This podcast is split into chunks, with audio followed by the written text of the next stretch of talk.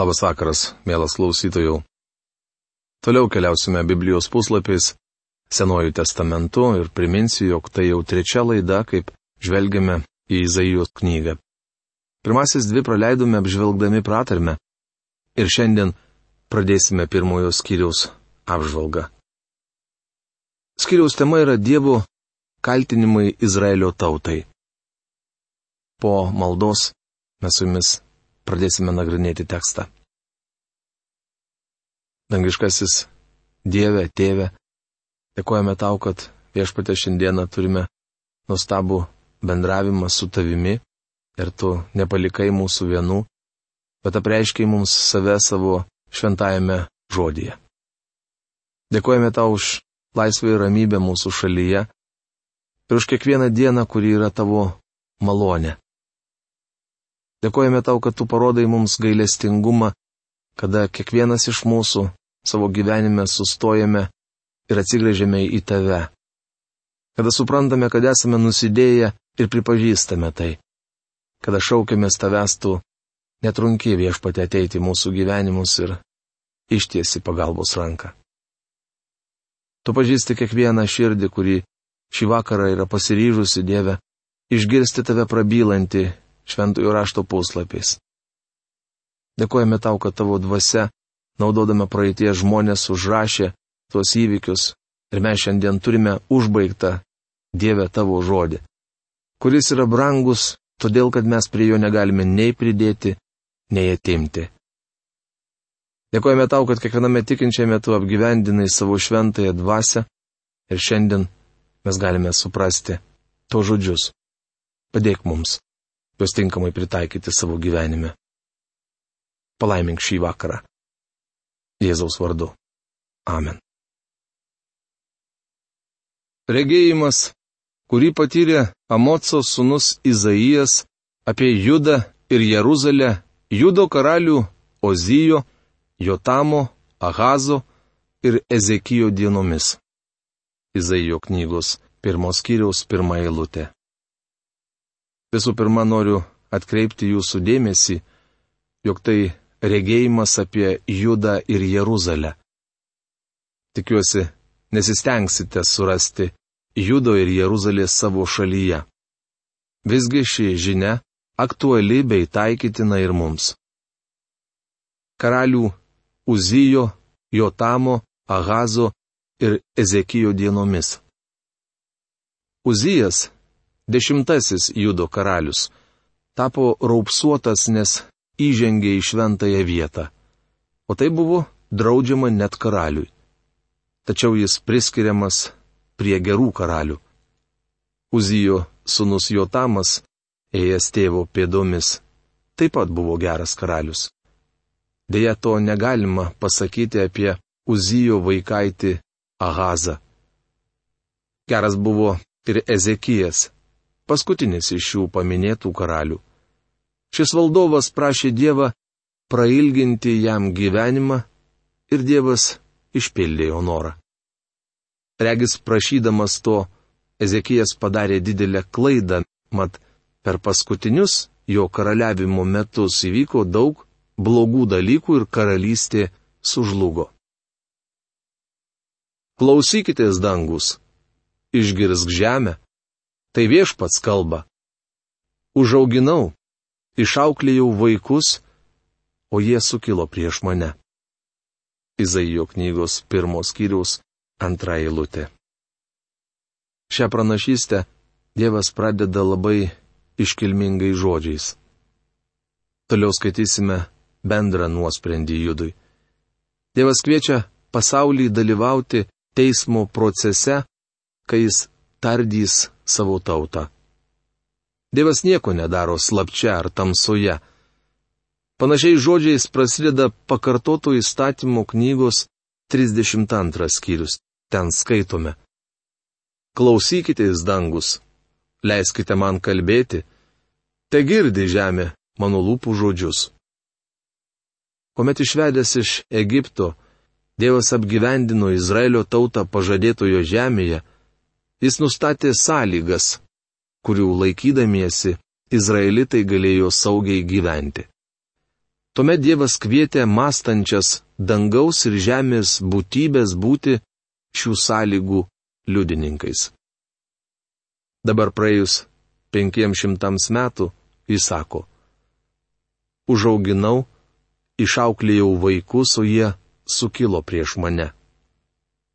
Dievas pasirengęs išvaryti izraelitus iš jiems dovanoto krašto ir atiduoti į Babilono nelaisvę. Todėl kviečia mąstančius kūrinius danguje ir žemėje būti liudininkais, jog jis elgesi teisingai. Dievas kaltina savo tautą maištingumu. Izraelio vaikams buvo leista apsigyventi pažadėtajame krašte su sąlyga, kad jie bus klusnus. Tačiau jie nebuvo klusnus. Pagal Mozės įstatymas sunus sukilęs prieš savo gimdytojus, turėjo būti užmušamas akmenimis. Taigi, Dievo kaltinimas rimtas. Izraelitai, būdami Dievo vaikai, sulaužė šį Mozės įstatymo punktą. Apie nepaklusnų sūnų rašoma pakartoto įstatymo knygoje. Jei žmogus turėtų neklaužadą ir maištingą sūnų, neklausantį tėvo ir motinos balso, nepaklūstantį jiems, nors jie ir baustų jį, jo tėvas ir motina pačiups jį ir nuves pas miesto seniūnus prie tos vietovės vartų. Jie pareikš miesto seniūnams. Šis mūsų sunus yra neklaužada ir maištingas. Mūsų jis neklauso. Jis yra besotis ir girtuoklis.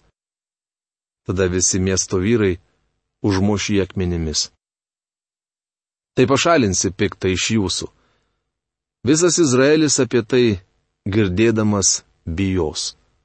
Rašoma pakartoto įstatymo knygos 21 skyrius 18-21 eilutėse. Štai kaip pagal įstatymą turėjo būti elgiamasi su sūnumi palaidūnu. Minė klausydamasi Kristaus palyginimo apie sūnų palaidūną, neteko žado, kai išgirdo, jog tėvas, užuot nužudęs jaunėlį, liepė tarnui papjauti nupenėtą veršį. Grįžęs namo palaidūnas paprašė tėvo atleidimo. Tačiau šiam dar nespėjus baigti savo išpažinties, tėvas polė jam ant kaklo, pabučiavo ir jam atleido. Tėvas ne tik nenuplakė jaunėlio, bet dar iškėlė jam didelę puotą. Dievas ne tik teisus, bet ir gailestingas. Tačiau sunaus maištavimas - rimtas dalykas.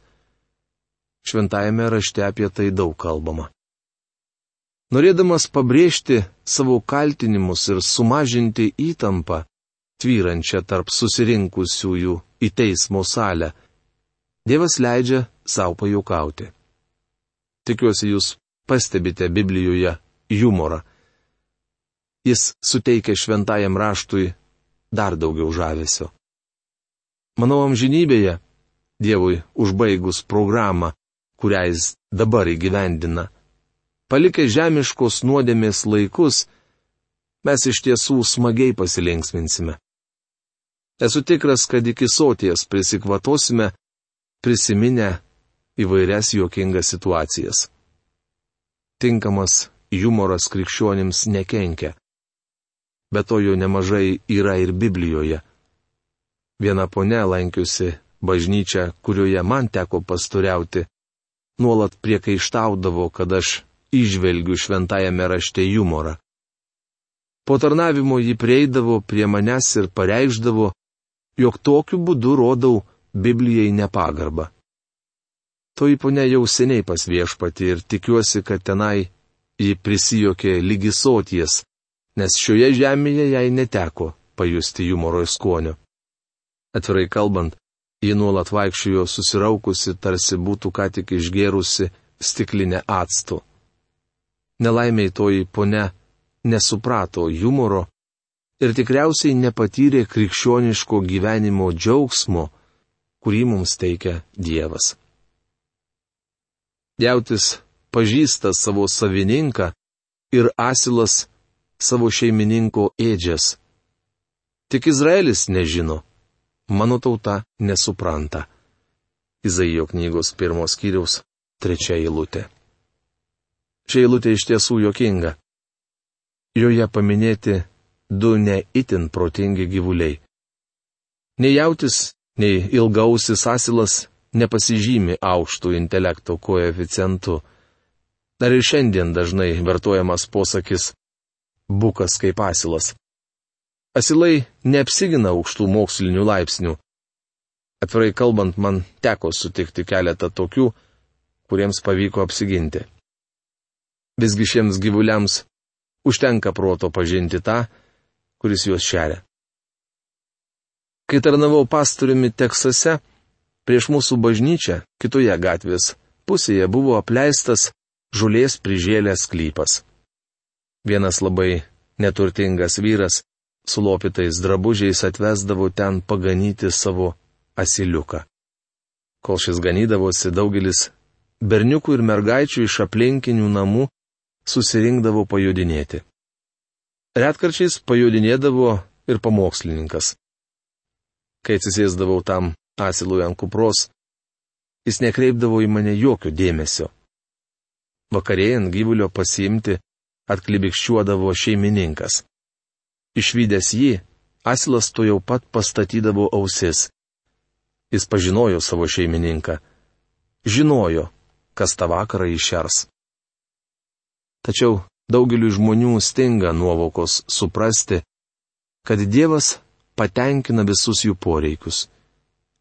Jie nežino, jog Dievas yra jų maitintojas, o dažnai net nepripažįsta, kad jis iš viso egzistuoja. Izaijas puikiai apibūdina šią rafinuotą kartą, kuriai Dievas nebereikalingas. Girdėjau pasakojimą apie mažą berniuką, augusi krikščioniškoje šeimoje, kuriam tėvai pirmą kartą leido vienam nueiti į svečius. Jis buvo pakviestas vakarienės į gretimą namą. Nors kelias nebuvo tolimas, berniukas nekantraudamas laukė šio įsimintino įvykio. Penktą valandą jis jau buvo apsirengęs ir pasiruošęs eiti. Kai visi susėdo prie stalo, mažasis berniukas, kuris buvo įpratęs girdėti tėvus, dėkojant Dievui už maistą, palenkė galvą ir užsimerkė. Tačiau šeima, pakvietusi jį į svečius, nebuvo krikščioniška. Tad iš karto ėmė krautis į lėkštes maistą. Nenorėdamas ko nors praleisti, berniukas atsimerkė ir apsižvalgė. Iš pradžių šiek tiek sumišo, bet po akimirkos paklausė, argi jūs nedėkojate Dievui už maistą? Dabar susigėdo šeimininkas. Tačiau prisipažino, jog jų šeimoje už maistą nedėkojama. Berniukas trumpai apmastė, o po to tarė. Jūs panašus į mano šunį. Čiumpate ir ėdate. Sunku girdėti, ar ne? Bet šiandien taip elgesi didžioji dauguma žmonių. Jie gyvena tarsi gyvuliai. Dievas sakė, jautis pažįsta savo savininką ir asilas savo šeimininko ėdžias. Tik Izraelis nežino, mano tauta nesupranta. Šiandien kalbama, kad žmogus išsivystė iš gyvūnų.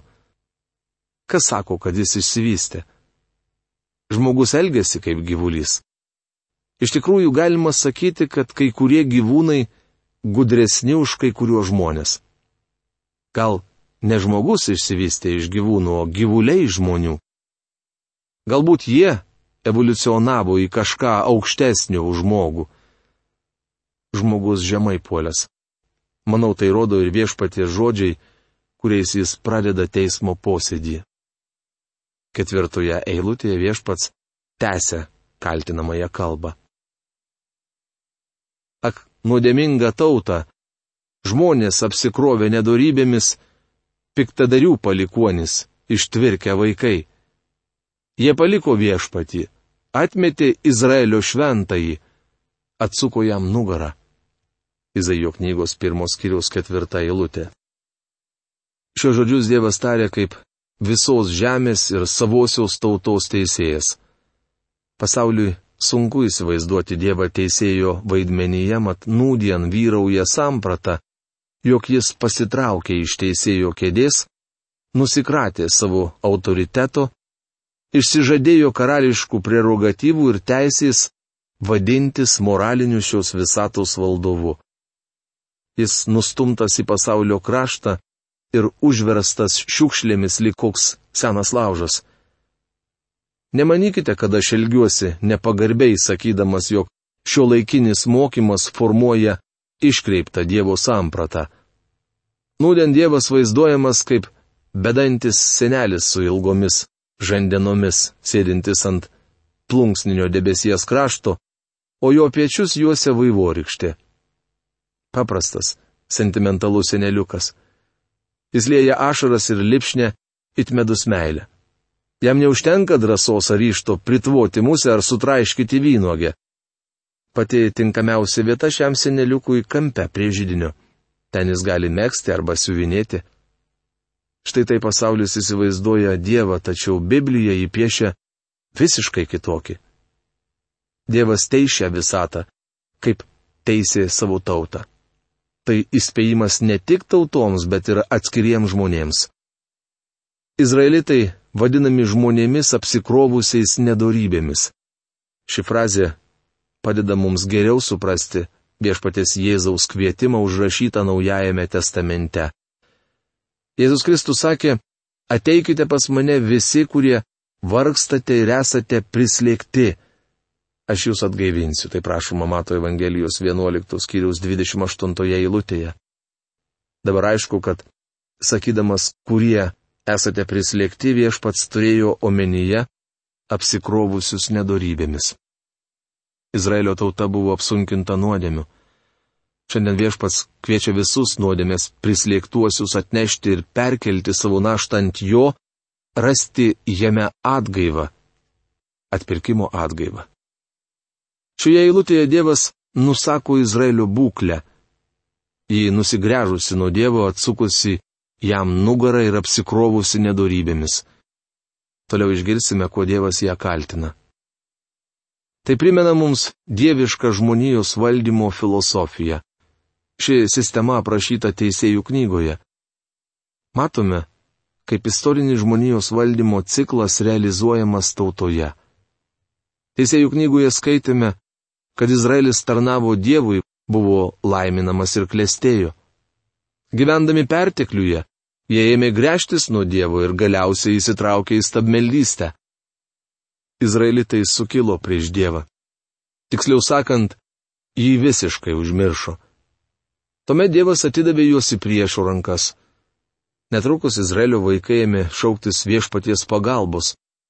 Komet jie atsigrėžė į Dievą, jis išgelbėjo juos nuo priešų ir vėl apipylė palaiminimais.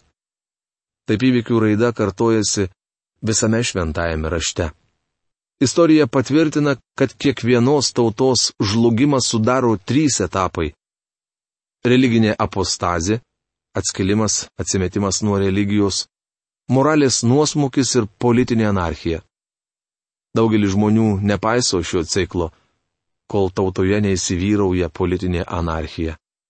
O tuomet jie ima šaukti, kad reikia keisti valdžią ir įdėkti šalyje naują valdymo sistemą. Tačiau kalta ne valdžia. Jeruzalės bėda buvo ne aplaidus karalius, bet ištuštėjusi šventykla. Bėda atneša dvasinė apostazė. Mielas klausytojų, kokioje padėtyje šiandien esate jūs? Tik tai blaiviai įvertinęs tą padėtį, galite iš jos pajudėti tinkamą linkmę. Tam nepakanka žmogiškos išminties ir supratimo, tam reikalingas dieviškas, suverenaus Dievo pažinimas.